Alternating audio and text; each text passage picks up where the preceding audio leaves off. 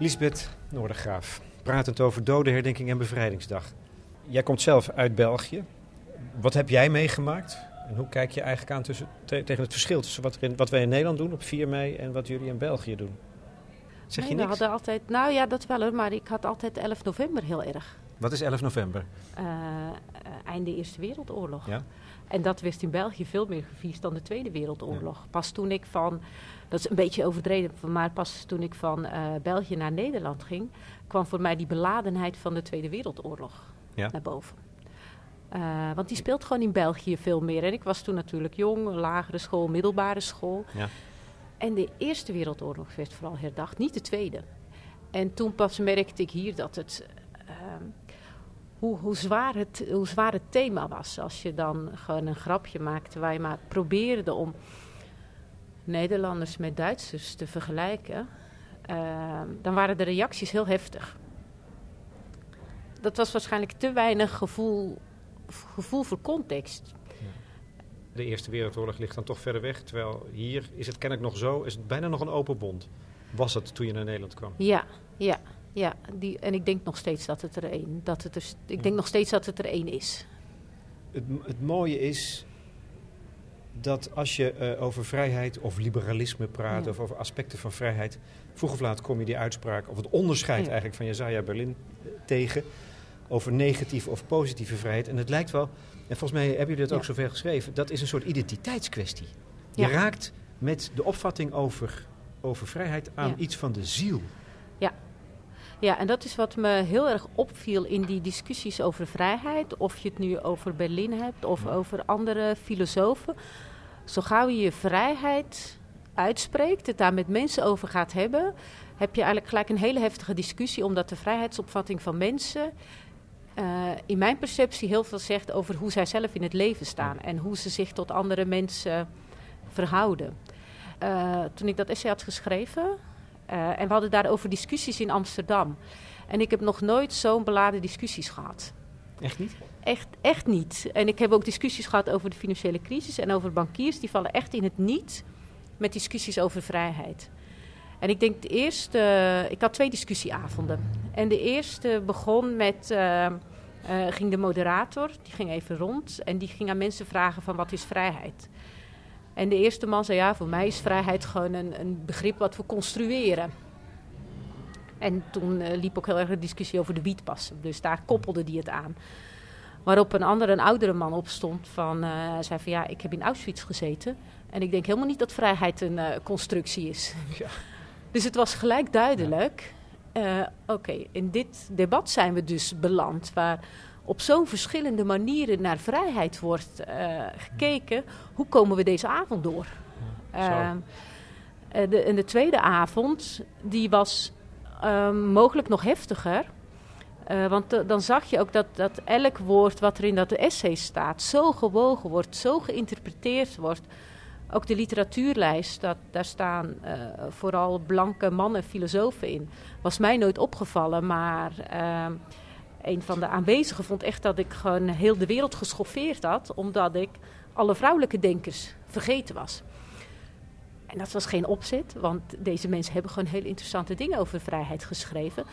Maar daaraan zag je wel van, oh, eh, gewoon heel erg oppassen als er iets over vrijheid gezegd wordt. En tegelijkertijd is die discussie over vrijheid, denk ik, heel erg belangrijk. En als we discussie niet kunnen voeren over vrijheid, bedoel, wat betekent dan, dan vrijheid nog? Maar omdat die zo, en daar begonnen we mee volgens mij, omdat die zo gekoppeld is aan identiteit van mensen, is het zo moeilijk te voeren. Maar ja, eh, dat is, dat, is ook wel mooi eraan, want het is dus eigenlijk een kwestie van op leven en dood. Zo wezenlijk is het. Ja. Het is Ja. werkelijk bepaald, het denken over vrijheid bepaalt in hoge mate wie je bent. Ja, ja. En daar, eh, en dat klopt inderdaad. En daarom is, die, daarom is die discussie zo moeilijk te voeren. Want het bepaalt dus wie je bent. Maar in die opvatting van vrijheid zit ook gelijk de verhouding naar anderen toe. Hm. Dus in je opvatting van vrijheid zit ook gelijk een oordeel over hoe anderen naar vrijheid kijken, hoe ze in het leven staan, of dat goed is, of dat slecht is. Eh, en dat maakt het zo moeilijk, omdat voor beide mensen of voor meer mensen die discussie voeren, het allemaal even wezenlijk is. En omdat er ontzettend veel vrijheidsbegrippen zijn. Dus de kans dat als je het gaat uitspreken, je op één lijn zit, uh, is, uh, is, is zeg maar heel erg uh, ja, is minimaal.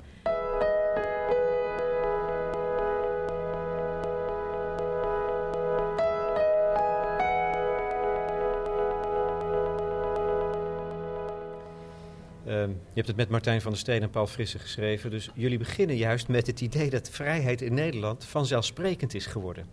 Wat je nu allemaal zegt, is, staat er haaks op. Hè? Dat ja. ontkracht het eigenlijk. Ja. Maar als ik toch dat begrip van, van, van de zelf, vanzelfsprekendheid even bij de kop neem. Wat is het gevaar daarvan, als het echt zo is? Um, ik denk dat de vanzelfsprekende vrijheid zoals wij die ervaren... heel veel te maken heeft met de meer uh, ja, marktgerichte opvatting van vrijheid. Dat we onze verlangens na kunnen streven. En dat kan natuurlijk niet iedereen en sommige mensen kunnen dat meer of minder dan anderen. Maar daarin hebben wij als relatief rijk westers land wel heel veel ruimte. Betekent dat je vrijheid ook vaak op die manier gaat denken. En dat je uh, economisch gezien weinig grenzen tegenkomt. Of een beperkt aantal grenzen. Uh, vrijheid of de opvatting van vrijheid om te kunnen werken moet die gedeeld worden. Dat is iets heel paradoxaals. Maar eigenlijk moeten wij allebei hetzelfde denken over vrijheid. Voordat echt die vrijheidsopvatting kan werken en voordat we niet heel veel conflicten krijgen. Als je dat niet gaat uitspreken of je neemt dat aan dat dat vanzelfsprekend is, dan kan dat ertoe leiden dat je die wederkerigheid niet onderhoudt. En dat je denkt van hij of zij weet wel wat ik bedoel met vrijheid. En als het er dan echt op aankomt, dan kan het lijken dat die vrijheid veel dunner is dan dat wij gedacht worden dat die was. Ja. Dacht hadden dat die was. Ja. Uh, ja, ik, denk, ik denk bijvoorbeeld dat tolerantie daar een, een, mooi voorbeeld van is. Dat er altijd wel gedacht werd dat wij tolerant waren. Ja. Totdat die tolerantie echt op de proef werd gesteld. Oh jee, en dan bleek je toch niet zo tolerant te zijn. Dan bleek dat een stuk lastiger te zijn dan uh, dat dat gedacht was. We hadden het eigenlijk voor vanzelfsprekend aangenomen. Ja, ja zo zijn we nu eenmaal. Ja, ja. ja. Um, en daardoor maak je uh, de vrijheid ook kwetsbaar. Je hebt, je hebt trouwens, als het gaat over het gevaar van, van, van de vanzelfsprekendheid waarmee wij omgaan met uh, vrijheid, er staat ook nog een andere kant tegenover, dat we namelijk overbezorgd zijn. Het, hè, dat, we, dat we te bang zijn om die vrijheid te verliezen. Ja. En dan, dan slaat het om in, in, ook weer in het tegendeel. Ja. Ja, dat, dat toont ook weer, denk ik, hoe lastig de discussie is. Dat we, um, zo gauw je hem gaat voeren, loop je het risico dat, dat, die, dat die overvoerd wordt, letterlijk en figuurlijk. En dat je overal bedreigingen van vrijheid gaat zien. En dan hebben we een ander probleem, want dan wordt de discussie over vrijheid zelf een bedreiging voor de vrijheid. En dat hebben we de laatste jaren natuurlijk ook gezien. Ja. Onder andere met terroristische aanslagen en zo. Dat als je, als je die discussies enorm uit gaat vergroten dan kan je geen stap meer uit je huis zetten. Uh, zonder dat alles afgekaderd is, bewaakt is. Uh, waardoor je ook de vrijheid eigenlijk kwijt bent. Ja, dus op, op een hele andere manier. Dus eigenlijk schipperen tussen argeloosheid aan de ene kant en overbezorgdheid aan de andere kant. Ja. Ja, ja. dat is een hele, heel kwetsbare evenwicht ja, natuurlijk. Ja, dan zit. ja, begin er maar eens aan. nou, laten we een poging doen. um, dan is het wel goed, denk ik, om, om toch een aantal van die, van die wereldbeelden, hè, van die fundamentele ja. manieren om naar vrijheid te kijken, om ja. daar even te benoemen. Want dan ja. krijg je een beeld van hoe divers het is en waarom, waarom het zo kan botsen. Jullie, jullie, jullie schetsen eigenlijk een viertal basishoudingen tegenover de vrijheid. En dat is heel mooi, omdat je daardoor begrijpt, oh ja, zo ga ik ermee om en zo gaan die anderen er ook uh, op hun, hun manier mee om. En daar, daar begint er iets van inzicht in de complexiteit te begrijpen. Ik verdenk je ervan dat jij de, de, de grootste voorkeur hebt voor Hannah Arendt. Zullen we daar dan maar mee beginnen?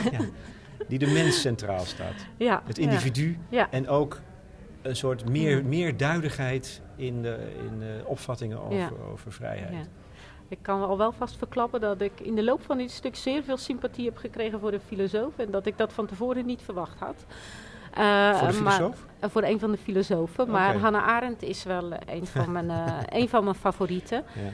Ja. Um, uh, wat, wat Arendt heel erg mooi doet, vind ik, is dat ze, ze vertrekt vanuit, vanuit de mens.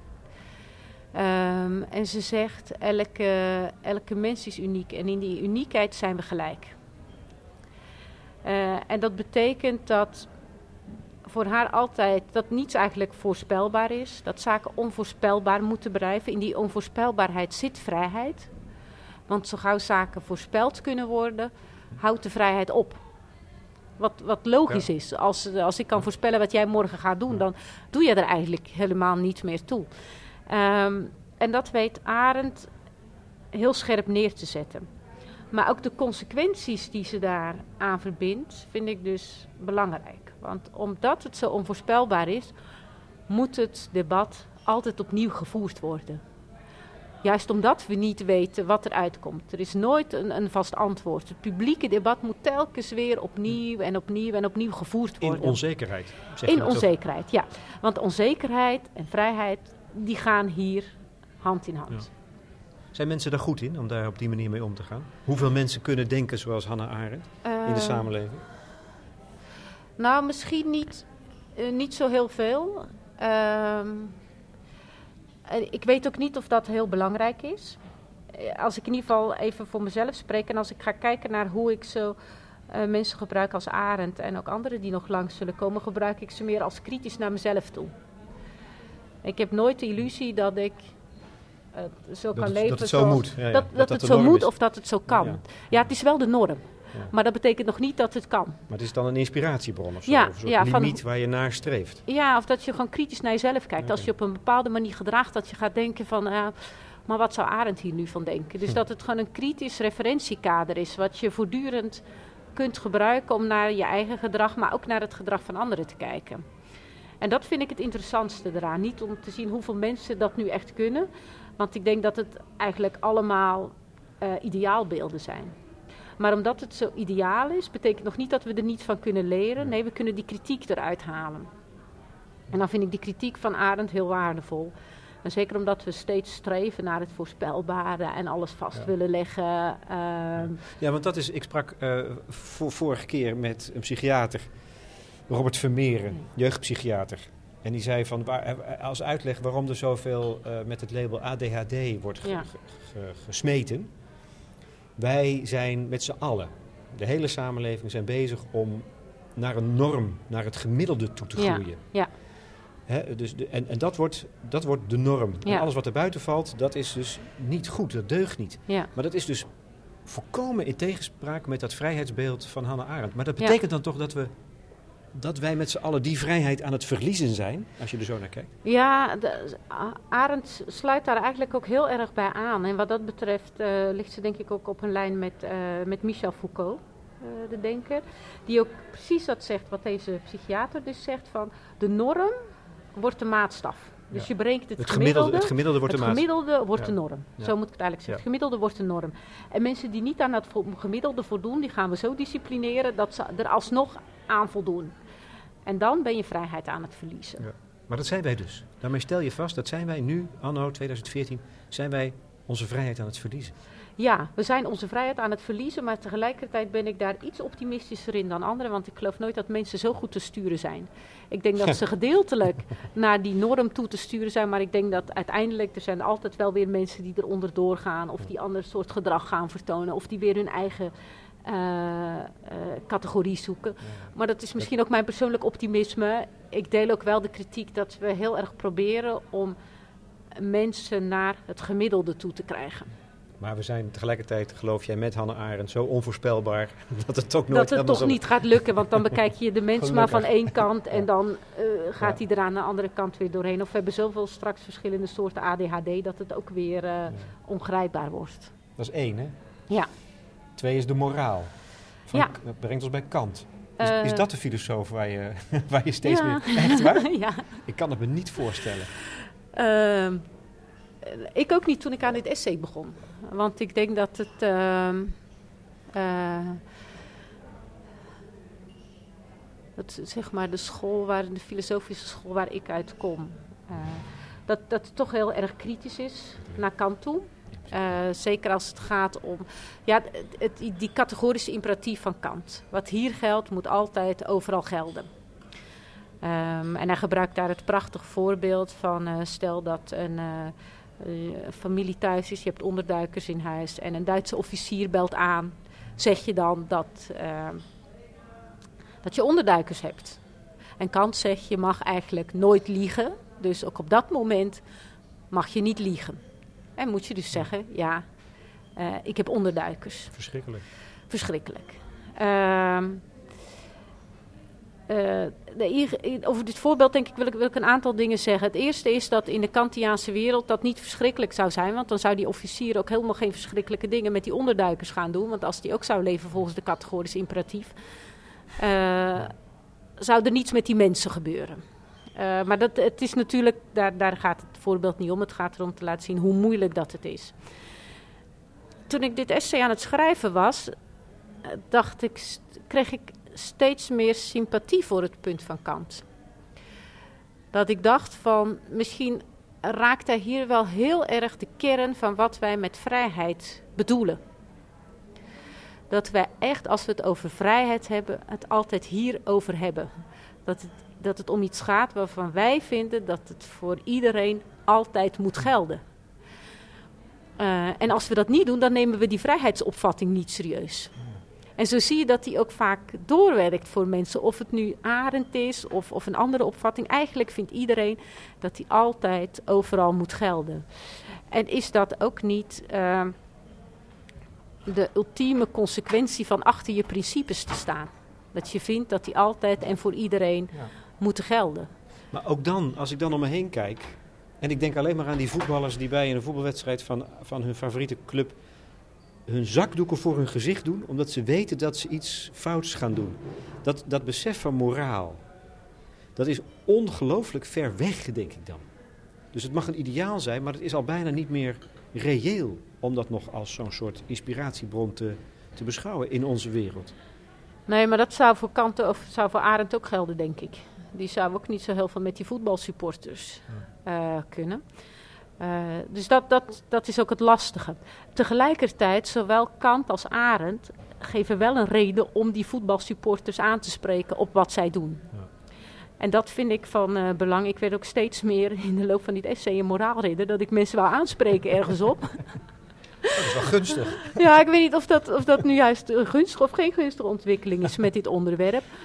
Uh, dat maakt het moeilijk, maar dat brengt ons wel weer bij waar ik het in het begin even over had, bij het belang van die wederkerigheid. Als we die niet hebben, houdt het eigenlijk op. En als mensen daar geblinddoekt staan, omdat ze dan niet herkend worden, omdat ze weten dat ze iets fout gaan doen, waar hebben we dan nog over? Dan gebruik je geweld en dat sluit gewoon bepaalde uh, opties af. Maar dat is toch eigenlijk dan ook een moment waarop je signaleert dat we onze vrijheid aan het verliezen zijn. Dat moet je dan toch constateren. Dat is toch een, signaal, ja, een signaal dat is ja, dat, het, dat, het in wezen over vrijheid gaat die daar op het spel staat. Ja, dat, dat is een signaal. Um, en ik denk ook dat, dat die situaties heel ernstig zijn. Wat ik, wat ik moeilijk in kan schatten, en dat, dat zit een beetje in je vraag, ik weet niet of je het zo bedoelt, is of wij nu meer of minder vrijheid hebben dan daarvoor. Ik nee. denk dat je in zo'n situatie uh, dat de vrijheid op het spel staat. Ja, dat bedoelde ik. Dat ja. is letterlijk ja. wat ik bedoel. Dus de vrijheid staat in die situatie op het spel. Want zo zijn, zo zijn we niet geneigd om ernaar te kijken, naar zo'n incident. Niet in termen van vrijheid. Nee, maar die staat daar op het spel, want er wordt geweld gebruikt en dan worden echt bepaalde opties worden, worden gewoon afgesloten. Mensen worden niet meer gezien om mensen of wat dan ook. Ze worden gereduceerd tot uh, dingen die aangevallen kunnen worden. Of waar je tegen moet verzetten. Dat is het.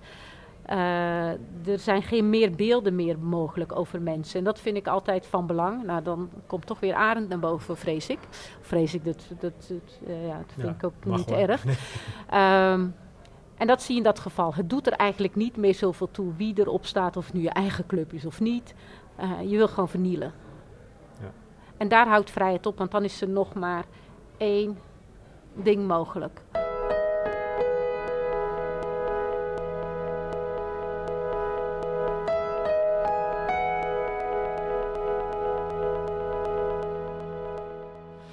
Um, dit zijn twee uh, filosofen die uitgaan van het individu. Ja.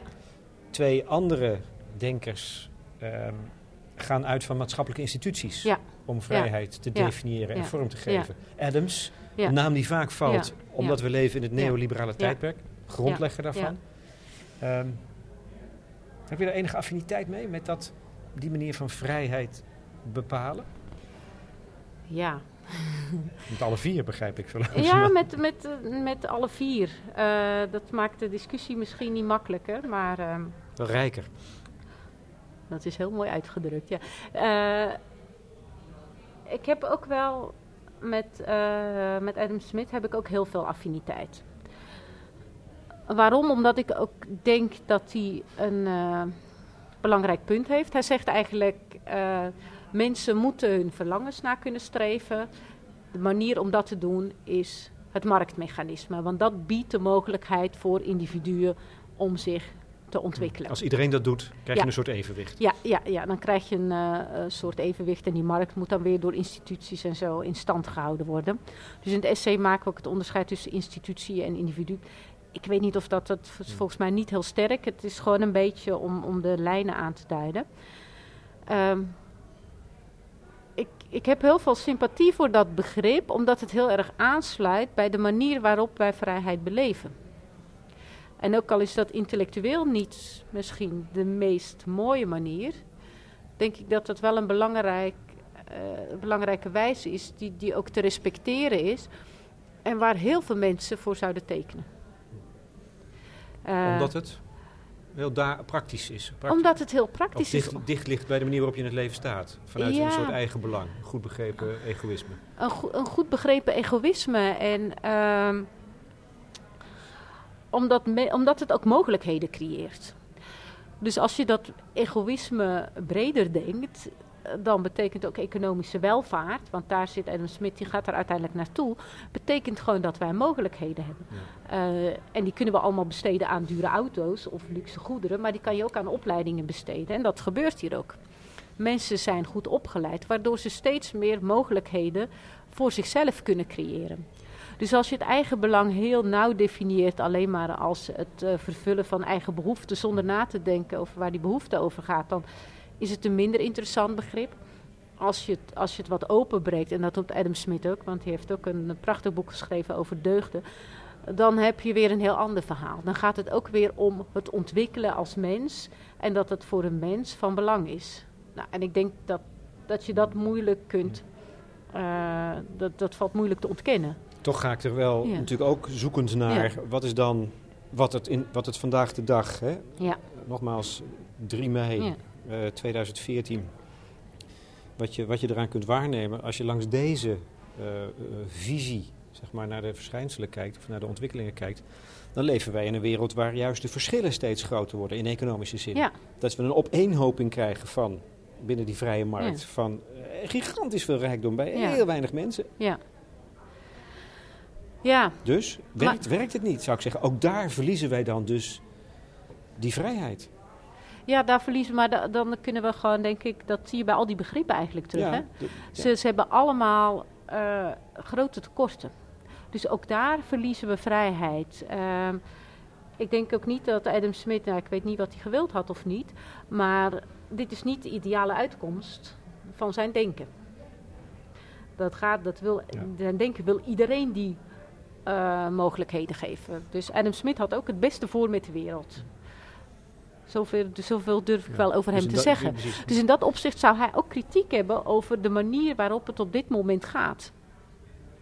Of kan je met zijn denken de huidige stand van zaken bekritiseren. Maar ook daar verliezen we vrijheid. Eh, en dat vind, eh, daaruit vind ik het ook weer een interessant referentiekader om te kijken naar, naar en Nederland. Worden daar de economische verschillen niet te groot tussen mensen? Waardoor sommige mensen helemaal niet meer in de buurt komen van eh, dat vrijheidsideaal. Zelf als je het plat gaat vertalen, want het maakt heel veel uit of kinderen op school wel of niet mee kunnen doen. Voor de positie in een groep binnensluiten, buitensluiten. Dus dat de economische kant van vrijheid vind ik heel erg belangrijk. Binnen Nederland, maar ook buiten Nederland. Hoe verhouden we ons tot andere landen? Welke landen helpen wel, welke landen helpen we niet? En dat vind ik het, het waardevolle aan die economische blik. En dat is dan wel, zeg maar, met een slag de interpretatie van, eh, van Adam Smith, die dat heel erg via het marktmechanisme doet. Dan kan je afvragen of dat, of dat werkt. Maar het idee van dat mensen in staat moeten zijn om hun verlangens te realiseren, dat vind ik geen vreemde eh, gedachte als het gaat om vrijheid en ook een belangrijke kritische gedachte. En het was, het was echt opvallend dat dat, dat dat eigenlijk degene was die ik overgeslagen had. Toen ik met mensen over vrijheid ging praten, dacht ik, oh, dan gaat het over Arendt of over Kant.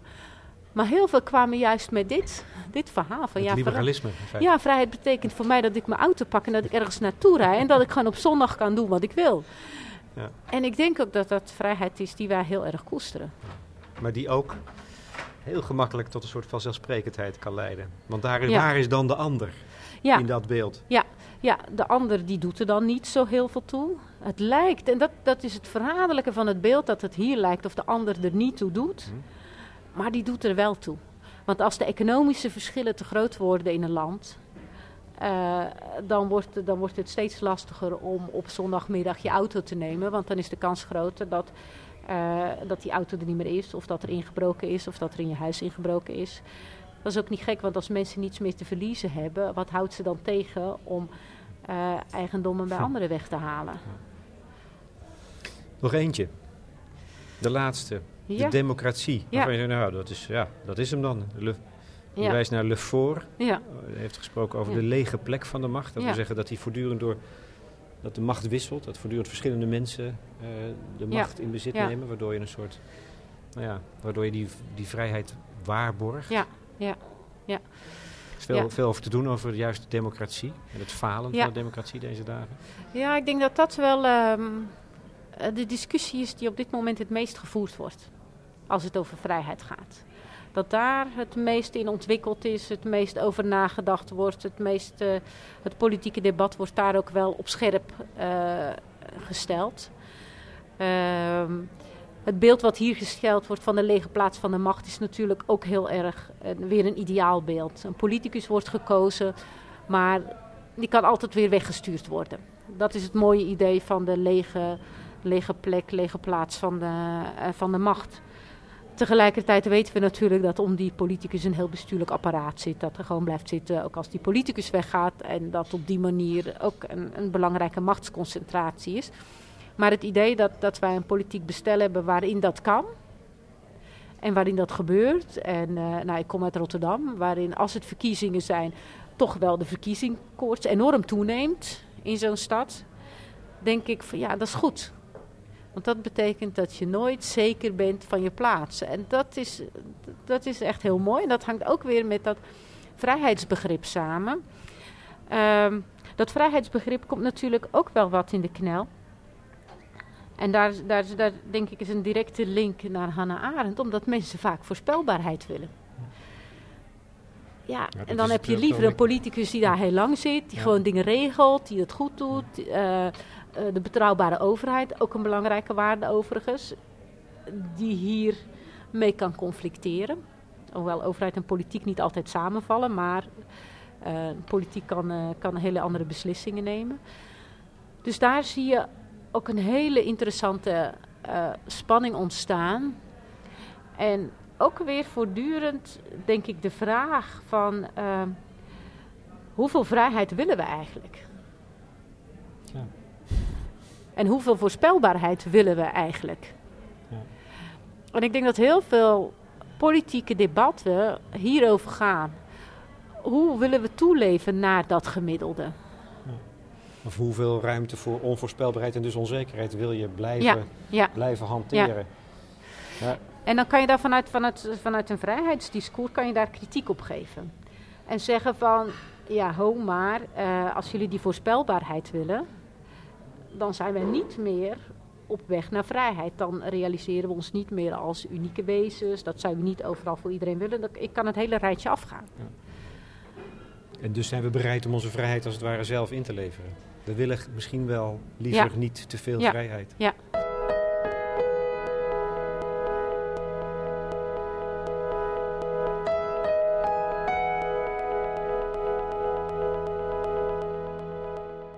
Misschien moet je eh, vanuit die optiek ook wel kijken naar de privacy-debat. Waar, Ja. waar ook zoveel over te doen is. En waarbij je bijna. Er zijn maar heel weinig mensen die, die zich verzetten tegen het verlies van privacy en daarmee Ja. van hun vrijheid. Ja. Je kan zeggen, ja, dat is een soort vanzelfsprekendheid. Dat, vanuit vanzelfsprekendheid. We beseffen niet wat we verliezen, dat Ja. is één kant. Maar misschien ook wel wat je nu zegt. Ja, we, we, we willen het ook niet heel erg graag. Ja. Ja, ik Hoe denk zie je dat- dat? Ehm, daar, ik zie dat ik, dat ik op zo'n moment ook als ehm, filosoof in de problemen kom. Hoe kritisch kunnen je kritische referentiekaders nog zijn? En als ik. Ja, maar die, kunnen, die moeten toch optimaal kritisch zijn? Ja, maar passen ze nog bij deze tijd? Want die is wezenlijk aan het veranderen. Die is, die is wezenlijk. Of misschien niet, hè? Als die niet wezenlijk aan het veranderen is, dan denk ik, dan, dan, dan doen ze er nog toe, die kritische referentie. Want we zouden er later achter kunnen komen wat we, wat we Ja, kwijt zijn geraakt. ja, En dan ja. spijt hebben als haar op ons hoofd. Ja, eh, dat, dat zou kunnen. En dat zou met Arend kunnen. Van zo, oh, ja, hoe hebben we dat ooit kunnen doen? We hadden toch dit en dit kunnen voorzien. Maar misschien stellen we ons die vraag wel helemaal niet. En wat doet dan, wat doet dan de kritiek ertoe? En wat doet Ja. dan het kritische ertoe? Dus dat is heel, vind ik altijd heel erg lastig. Want ehm, als ik eerlijk ben, ga ik als filosoof heel erg mee in die kritiek. Maar als privépersoon niet. Want dan maak ik me echt niet voortdurend zorgen om mijn privacy. Dus dat vind ik één ding dat heel lastig is. Het andere vind ik heel lastig, en dat, dat geeft. ehm, dat geeft dit interview ook goed meer weer. En dat geeft eh, zeg maar de discussie over vrijheid goed weer. En ook de reden waarom ik voorbeelden heb vermeden eh, in het essay. Omdat ik vind dat, dat als we het over oorlog hebben en over privacy, dat, dat het zo onvergelijkbaar is. En het gaat allebei over vrijheid. Maar Hm. Je kan ze niet vergelijken. En we moeten altijd appels met peren vergelijken, want anders vallen er geen vergelijkingen te maken. Maar dit zijn vergelijkingen waar ik heel, eh, die voor mij ongemakkelijk worden. Van, waarvan ik denk van ja, wat, wat, kan ik, wat kan ik hier nu echt over zeggen? Wat, wat, wat, wat voeg ik toe als, eh, als filosoof? Maar daar begint het toch juist spannend te worden? Daar begint dat denken toch juist... Ja, daar begint het denken heel spannend te worden. En daar wordt, daar, daar word je ook, juist omdat je die vraag stelt: van wat kan ik hier nog toevoegen? Waarom doe ik dit? Ehm, Maar ja, Ja. dat is dan toch het spanningsveld? Zoals jullie ze eigenlijk in dat hele essay hebben gezegd... je moet opereren tussen aan de ene kant de vrijheid, hè, dat, die Ja. limiet, dat ideaal... Ja. aan de andere kant gedragsvormen... waarmee je die vrijheid waarborgt in wederkerigheid met de anderen. Ja. Dus dat is al een soort tussengebied, tussenruimte die je moet creëren. Ja. Dat is het eigenlijk. ja, dat is het eigenlijk. En dat is, dat, dat, dat is ook het enige. Ja, Dat nou ja, is dat is ook, niet niks. Eh, dat, dat is niet niks. Het kost ook heel veel energie, denk ik, om gewoon wederkerigheid te krijgen. Om, vrijheid is een relationeel begrip, daar begonnen we over. Als, eh, als mijn beeld niet overeenkomt met jouw beeld. Ja, je zult nooit op één lijn zitten, maar we moeten elkaar de ruimte kunnen geven. Ja. Dat is zo moeilijk. Die moeten we voor elkaar zien te krijgen. En dat op papier is dat heel eenvoudig en is iedereen het daarmee eens. Maar zo gauw je het gesprek aangaat over vrijheid, blijkt dat dus verschrikkelijk moeilijk te zijn. En de vraag is dan, zit daarin nu de vrijheid? In die moeilijkheid van het gesprek? Of heb je die vrijheid als je de echte wederkerigheid hebt? En daar ben ik eigenlijk nog niet, eh, eh, daar ben ik nog niet uit waar die zit. In de moeilijkheid of het gemak. Als intellectueel zeg ik in de moeilijkheid. Lekker. Eh, Spannend, ja. Want we blijven dat Ja. gesprek voeren. Als pragmaticus. en als je zegt van nou we hoeven geen oorlog meer. Dan zit ik in die wederkerigheid. Dankjewel.